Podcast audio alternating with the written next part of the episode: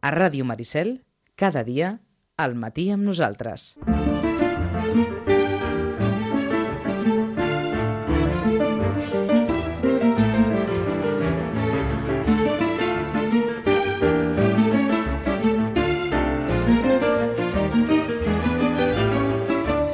Un quart de dotze. Abans de, de començar, segurament us interessarà una informació que apareixia al quadern del País. Del passat dijous 11 de març. Ens la varen guardar perquè, bé, no, no sabem si, si la va veure eh, Rosana Lluc, però sens dubte ella, com tants d'altres llibreters, té l'obligació, la necessitat eh, de navegar enmig d'un mapa enorme d'editorials diverses i de grups editorials. Si vostès van a la pàgina d'internet www.anatomiadelaedición.com trobaran un mapa, diguem-ne, inspirat amb les línies de metro de Madrid i que, de fet, és un mapa que reflecteix el món editorial eh, de l'estat espanyol. Alberto Vicento i Silvano Gotzer, dos apassionats de l'edició i de la seva relació amb les noves tecnologies, han creat el Mapa Metro Editorial 2010 per organitzar gràficament el món editorial espanyol. S'inspiren al mapa del metro de Madrid, encara que no totes les seves línies són les originals, i cada línia, expliquen, representa un conjunt des dels grans grups com Planeta eh, fins a les mitjanes, les petites, les digitals, totes les editorials de l'estat espanyol. Un editor fa broma quan li pregunten qui mana a l'edició a Catalunya i contesta hi ha el grup Planeta i després hi som tots els altres. Rosana Lluc, bon dia i bona hora. Hola, molt bon dia. Té raó aquest editor? Home, la veritat és que ja saps que hi ha tres grans grups, que són els tres que, a més a més, representa que s'estan, eh, diguem-ne, fent un front comú per fer-lo del llibre digital i tot això, tot això és el que ens expliquen, però de moment encara no han vist res, eh? Uh -huh. Però sí que és cert que, que Planeta en aquests moments està culpant un, la part del pastís més gros. D'acord, és que ens miràvem aquest mapa de l'edició Sí. i veritablement jo no sóc capaç ara de comptar el nombre d'editorials que apareixen aquí, vinculades o no a grans grups editorials, però jo diria que aquí n'hi deu haver, com a mínim n'hi deu haver prop de 100. De petites, sí, grans, mitjanes, de, de tota mena, eh? editorials de les quals no n'havíem ni sentit la mena, fins a, òbviament, els grans grups editorials coneguts ja per tothom, o les editorials dedicades a temes més específics o temes més tècnics, que són les de, les de tota la vida en la majoria de, dels casos. Però és un mapa immens, no ens pensàvem pas que, que el món editorial estés tan repartit eh, en, en, petites, en petites o mitjanes editorials. Eh? Eh, Sí, la veritat és que, mm, de fet, s'està atomitzant moltíssim perquè és que hi ha molts eh, editors que en aquests moments s'estan arriscant a fer... Són molt petitons, molt petitons, però s'estan arriscant a fer la seva pròpia editorial, Mhm. sí. D'acord. Eh, um, segons, eh, a partir d'aquest article de, del País, i ja que estàvem parlant de, de Planeta, doncs eh, Espanya, Planeta té a la vora d'unes 30 editorials vinculades al grup, Planeta, Destino, Sesbarral, Paidós, Crítica, Ariel, Buglet, Lumberg, filials a gairebé tota Amèrica Llatina i des del 2008 és propietari del grup francès Editis, una vintena d'editorials. Li segueixen, com molt bé assenyalava la Rosana, Random House Mondadori, amb 13 segells, com Mondadori, Grijalbo, Plaza Genés, Debate o Lumen, i força presència a l'altra banda de l'Atlàntic, i RBA, amb RBA, La Magrana, Gredos, Molino, Serres, Orbis, National Geographic, eh? entre, altres, entre altres coses. Per tant, diguem-ne que, que hem de suposar que aquest és un món que genera, que genera molts diners. Eh, bueno, eh, no ho sabem, però com a mínim sí, genera molta... Sí, genera, no? Eh, mou. Eh, no, no sé si ho genera. El que passa que jo no, sé, no he mirat el mapa, eh? La veritat és que no, no doncs vaig quan, l'article. quan, ho, quan ho vegi, Rosana, per descomptat, això, www.anatomiadeledición.com, em sembla que quedaràs, bé, segurament parada no, perquè hem de suposar que, que els llibreters diguem-ne, de, Sí, de, de comarca esteu molt avasats al, al que és la lluita amb, amb, amb aquesta xarxa tan, tan gran del món editorial, no? Sí, sí, la veritat és que mm, jo recordo que quan encara era viu el, el, el, el Lara pare, diguéssim, Sí, no? sí, sí. El, I ja tenien, em sembla que... Quan, I fins i tot quan estava viva la, la senyora, la senyora Teresa, la, la, la mare dels Lara, diguéssim, diguéssim, la senyora Lara, ja li van regalar 50 editorials. Això ha anat creixent, o sigui que en tenen mm, moltes. La veritat és que moltes. Jo la veritat és que mai les he comptades, però sí que és cert que n'hi ha moltíssimes. D'acord? I, I no totes les distribueixen ells, que encara, això encara nosaltres ens distreu més, però vaja, sí. Eh? Uh -huh. Per tant, aquí només parlem de les editorials i no de les distribuïdores, Sí, bueno, és que... que és un altre món, això? Eh, sí, és un altre món. És que de vegades doncs, una editorial que és seva, doncs, eh, pel que sigui, agafa una altra distribució. Però vaja, quasi, quasi tot ells ho tenen concentrat en un únic distribuïdor, que és, que és Logista. Ho teniu més fàcil ara que fa anys enrere o no? A veure, el que passa és que sí, sí, sí, és més fàcil a nivell de... El que passa és que cada vegada, clar, les noves tecnologies donen una cosa, molta facilitat per trobar coses, però alhora molta informació al lector, i el lector el que de vegades ens costa explicar-li és que per molt que el llibre el pugui veure a internet, per exemple, que és Sí. una de les avantatges, etc, Mhm. és que no està publicat aquí. Ah, Està publicat en espanyol, però no està publicat aquí. d'acord. I llavors això sí que és un problema, eh?, per explicar-li, perquè, és clar, eh, fins i tot que diu, és que diu planeta. D'acord. Sí, o sigui, planeta, i pot és ser... planeta Argentina, D'acord. vale? planeta, saps? I dius, mare de Déu, ara com li explico que això no li podem portar, perquè, és clar, mm, Ah, do, diners, doncs no? t'ho pregunto fàcilment. Un llibre editat a Argentina per Planeta sí que es pot vendre aquí? Poder-se vendre sí, però Sí. clar, l'has d'importar.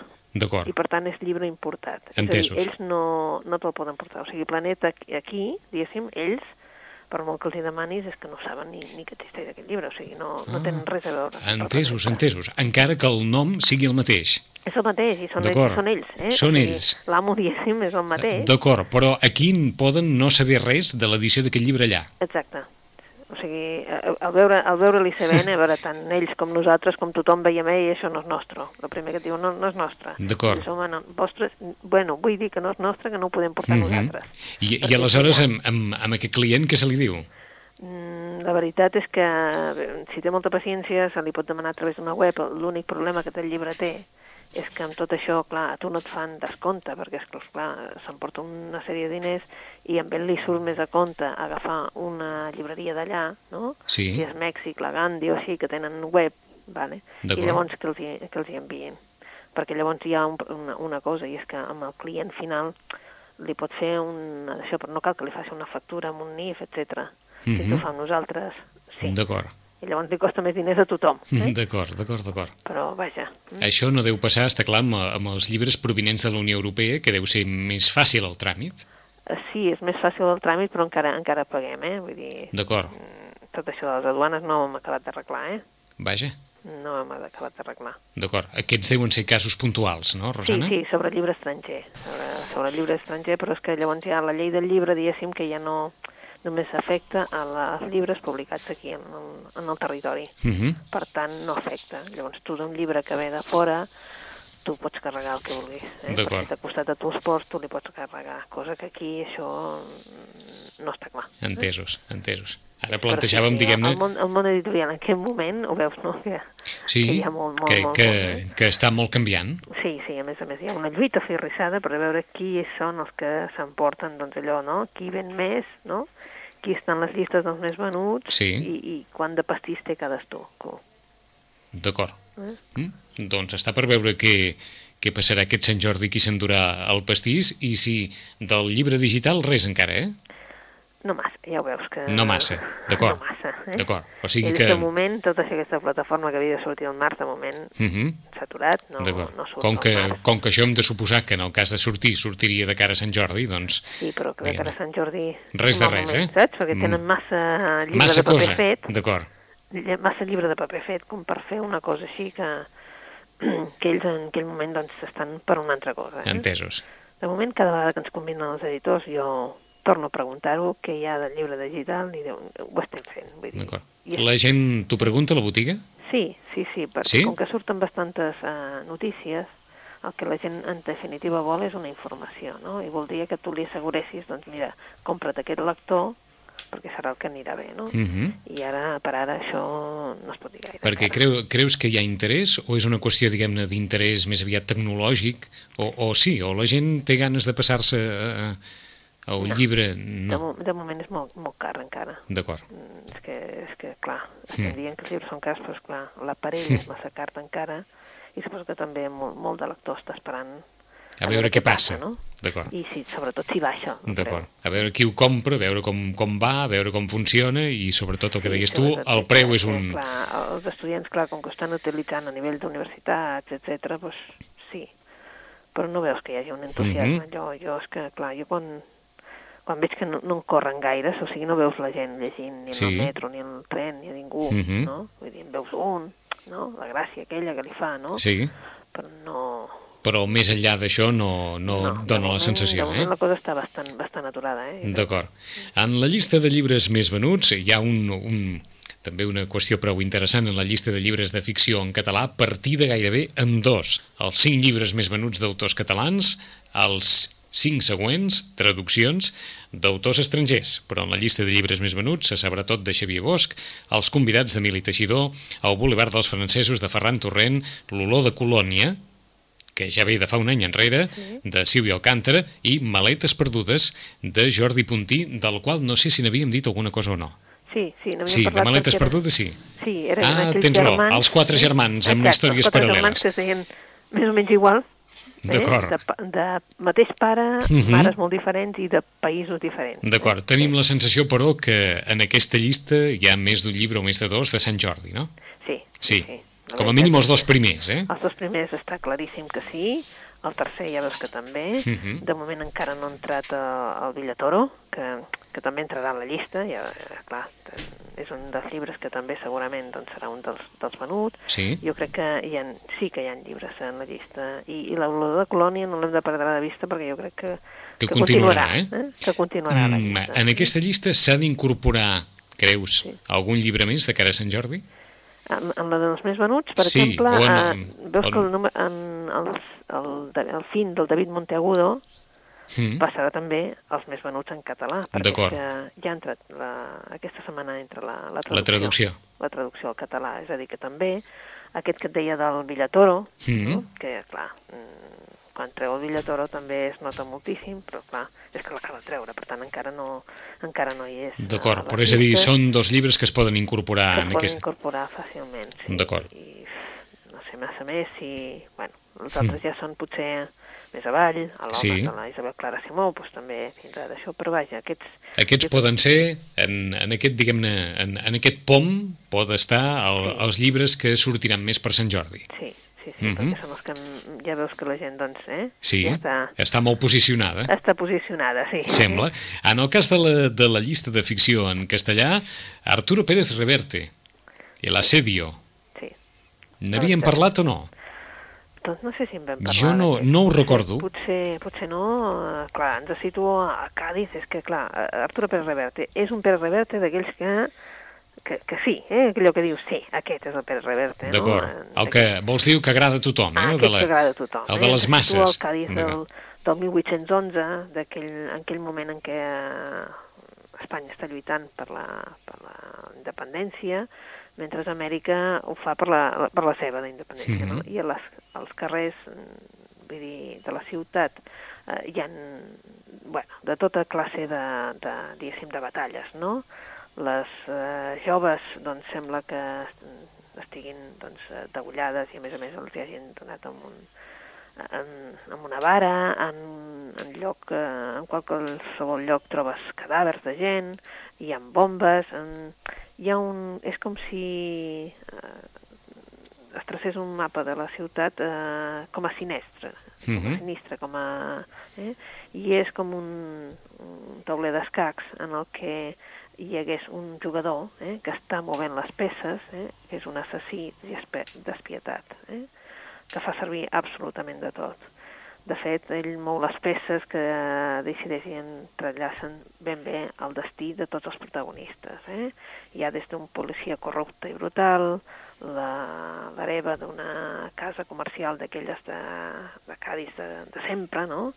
Un capità corsari de molt pocs es escrúpols, un taxidermista, bé, mm, un guerriller, un artiller francès, bueno, tots aquells personatges que podien estar en el Cádiz d'aquell moment, doncs realment eh, el Pere Reverte els posa. Ens situa en una època concreta de, de la història i la veritat és que és que quan fa una, una novel·la d'aquelles de capa i espada que diem, eh, doncs el Pere Reverte ho aconsegueix. D'acord, o sigui que aquesta és una novel·la per passar-s'ho bé. Per passar-s'ho bé. Eh? Ja s'ha notat que, que, que ha sortit el Pere Reverte i la veritat que sí que veus que aquesta sí que serà una altra de les Una altra de les... D'acord. Eh? El asedio de Arturo Pérez Reverte.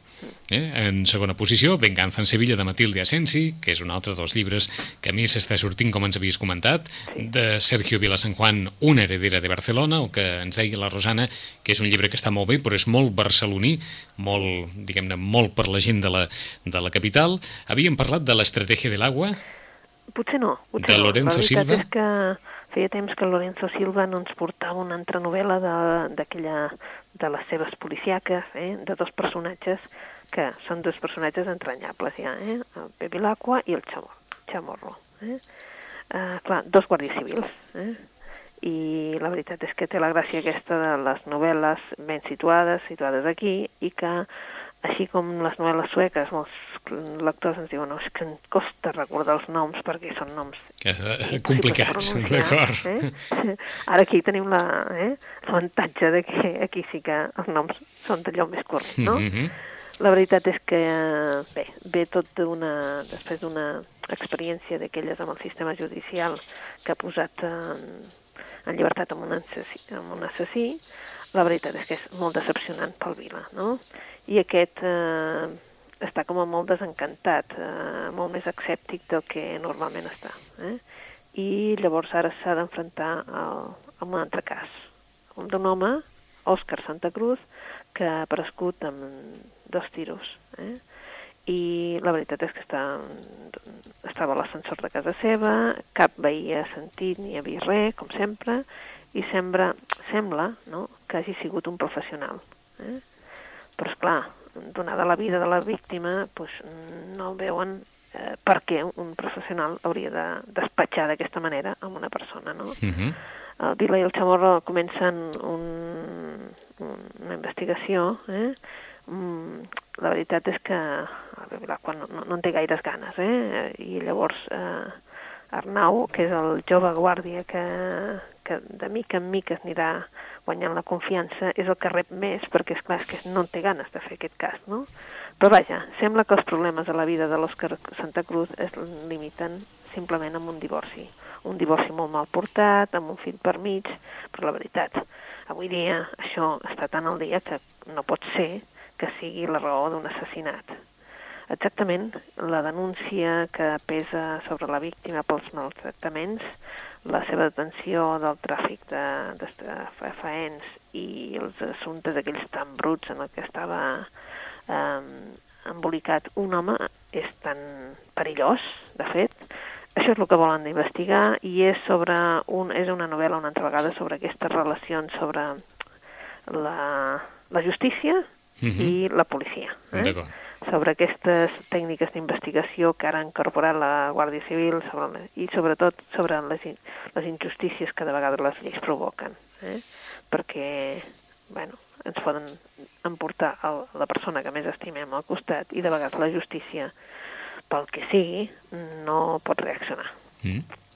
Està de moda la novel·la policíaca, eh? Sí, sí. Perquè també les llistes bé, en, castellà una miqueta més tard, a part d'Asa Larson i la seva sangre derramada, Sí. hi ha l'hipnotista, Sí, sí, sí, també. I veus, aquesta novel·la és que s'ha tornat a exaurir, és una cosa S'ha tornat a- d'acord. Sí, sí, vull dir, l'editorial està corrent perquè sap que serà una de les novel·les que, que vendrà.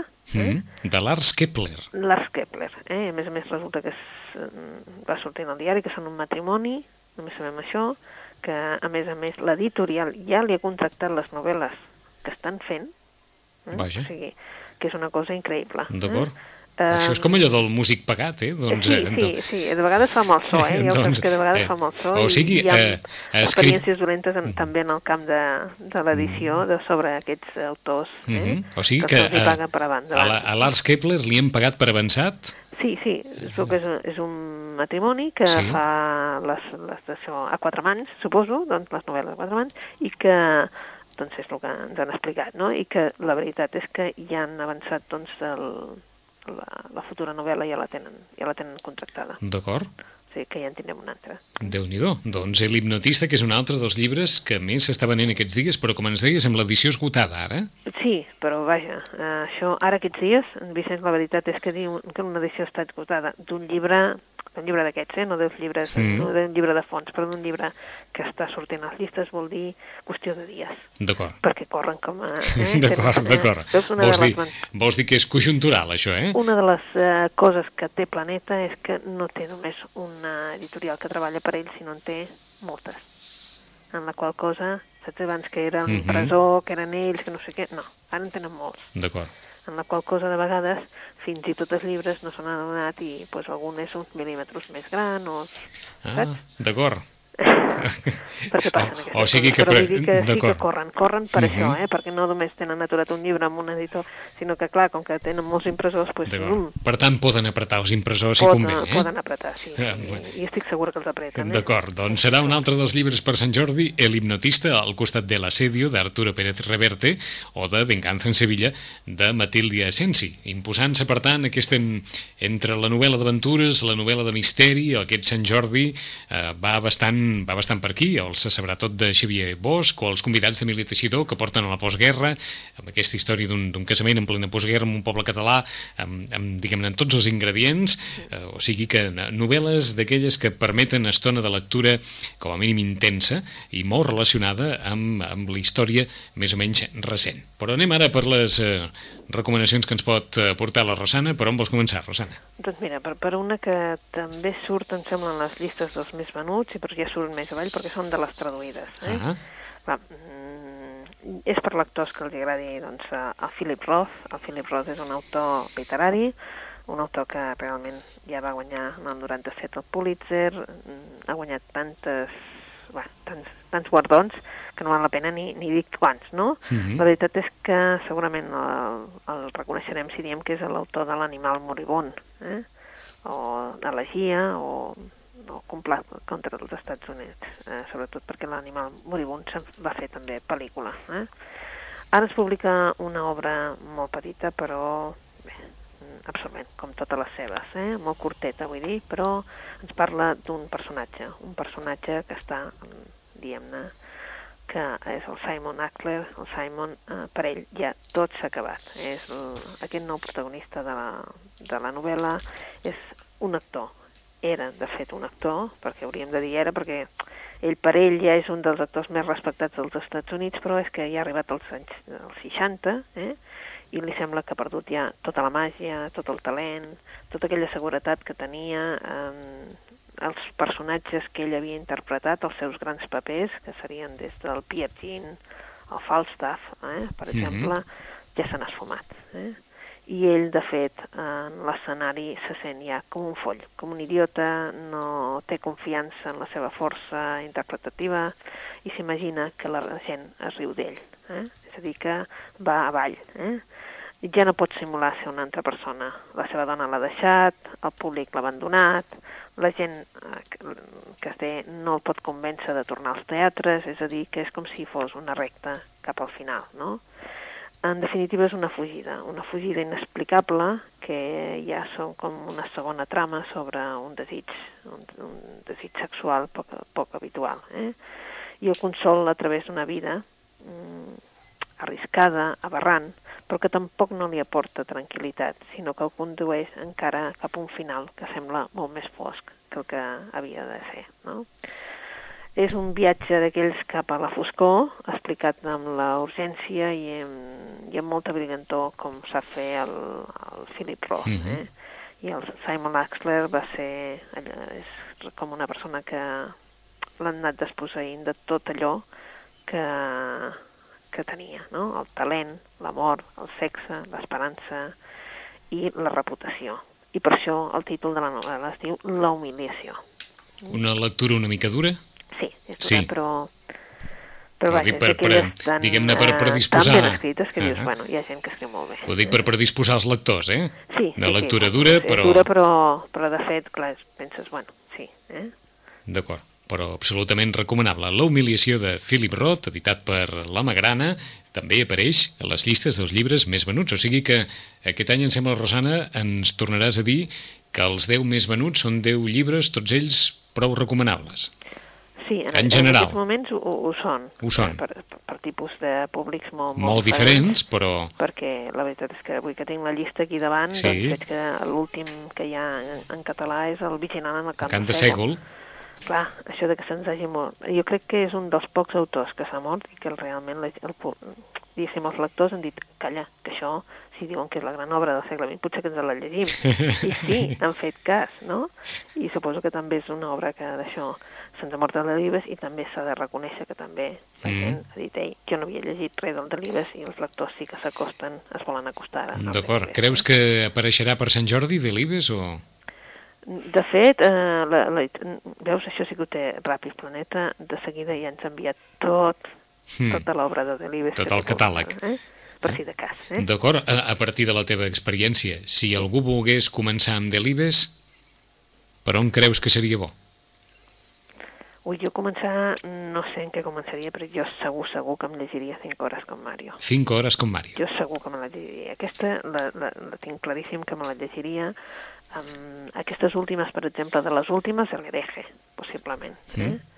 Um, de les íntimes, uh, senyora de rojo con fondo gris, però, saps? Uh, Mm. Però t'ha sortit 5 hores com Mario de cop, eh? Sí, sí, a mi sí. És que jo crec que, crec que és una lectura que em sembla que l'he- rellegida com unes tres vegades, ho reconec, Mhm. d'aquelles obres que he rellegit, perquè a més a més després vaig anar a veure la... La Lola Herrera. Eh, sí, sí, sí, em va Diuen, moltíssim. bé, tothom ho diu encara ara, que va ser la interpretació de la vida, diguem-ne, de, de, no ha fet, Lola Herrera ha fet moltes coses extraordinàries, però diuen que aquell paper, Va a ser- 5 hores com ser- Mario, Jo crec que, bueno, va ser aquella experiència que dius, no oblidaré mai. D'acord. Eh? I la veritat és que sí, que em va agradar moltíssim havent llegit l'obra, doncs, Mhm. acostar-te, no?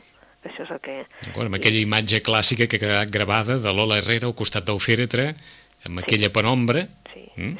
I bé, un dels grans moments de, del teatre, Del l'adaptació teatral de, de 5 hores com Mario, de, de Miguel Delibes. O sigui que es pot començar per 5 hores com Mario, Sí. per exemple? Sí, per exemple, eh? Vull dir, eh, Mhm. re- recordo que les escoles abans, eh? Ara Sí. no, però abans començaven amb el Príncipe Destronado.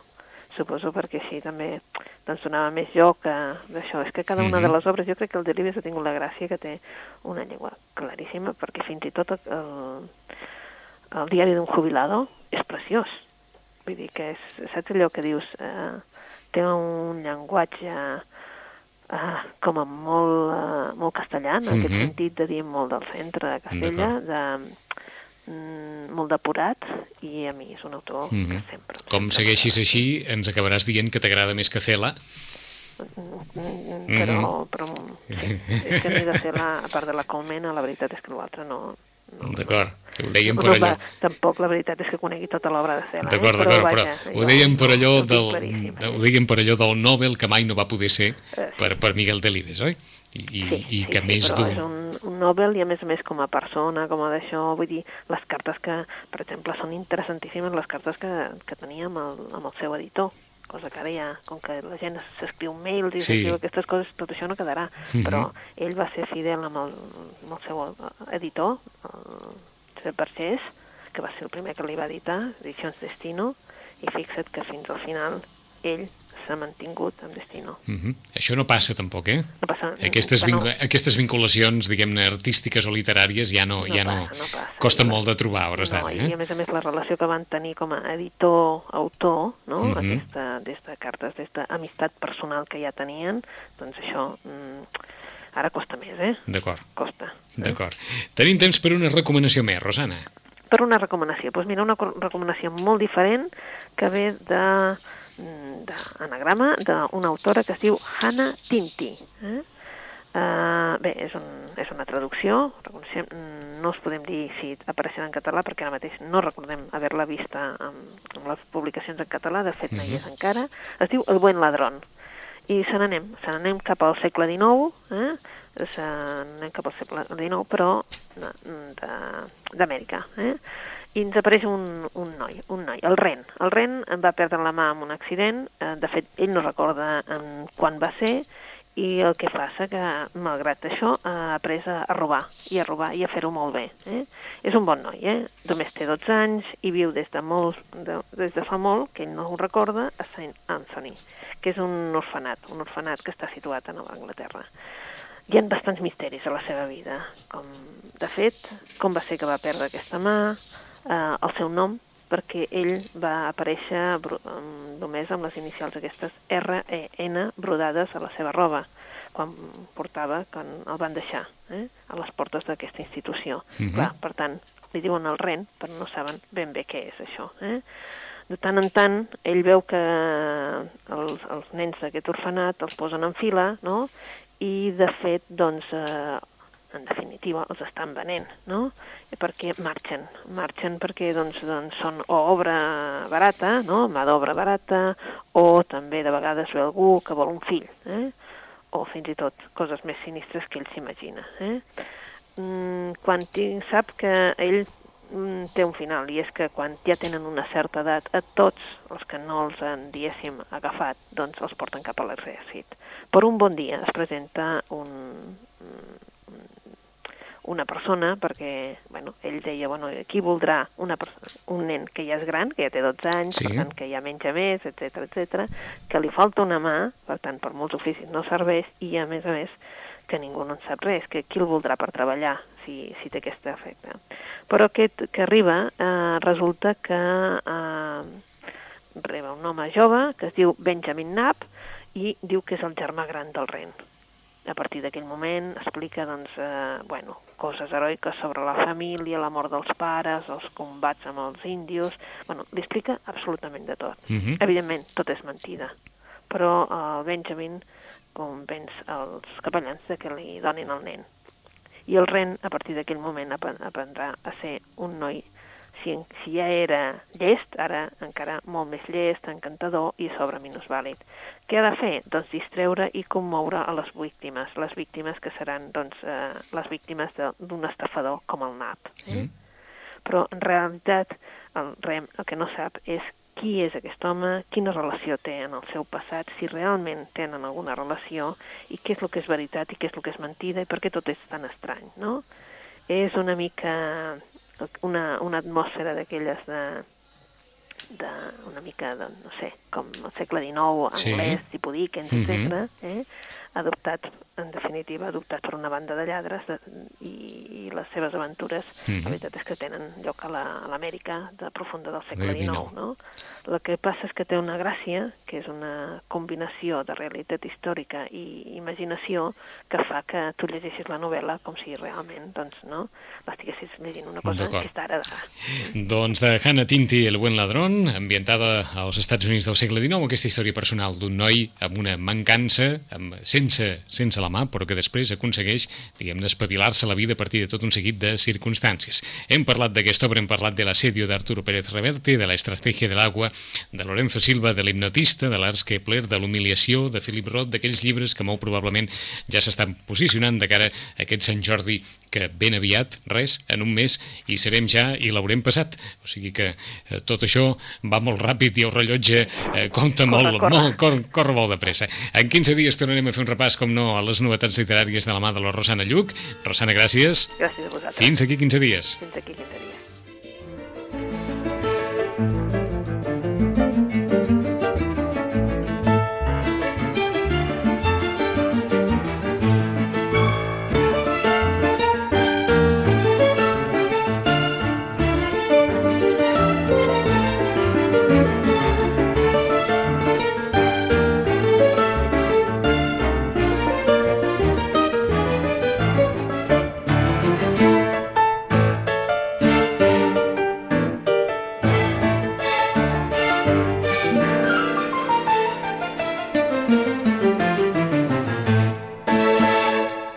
Ràdio Maricel, 107.8 FM.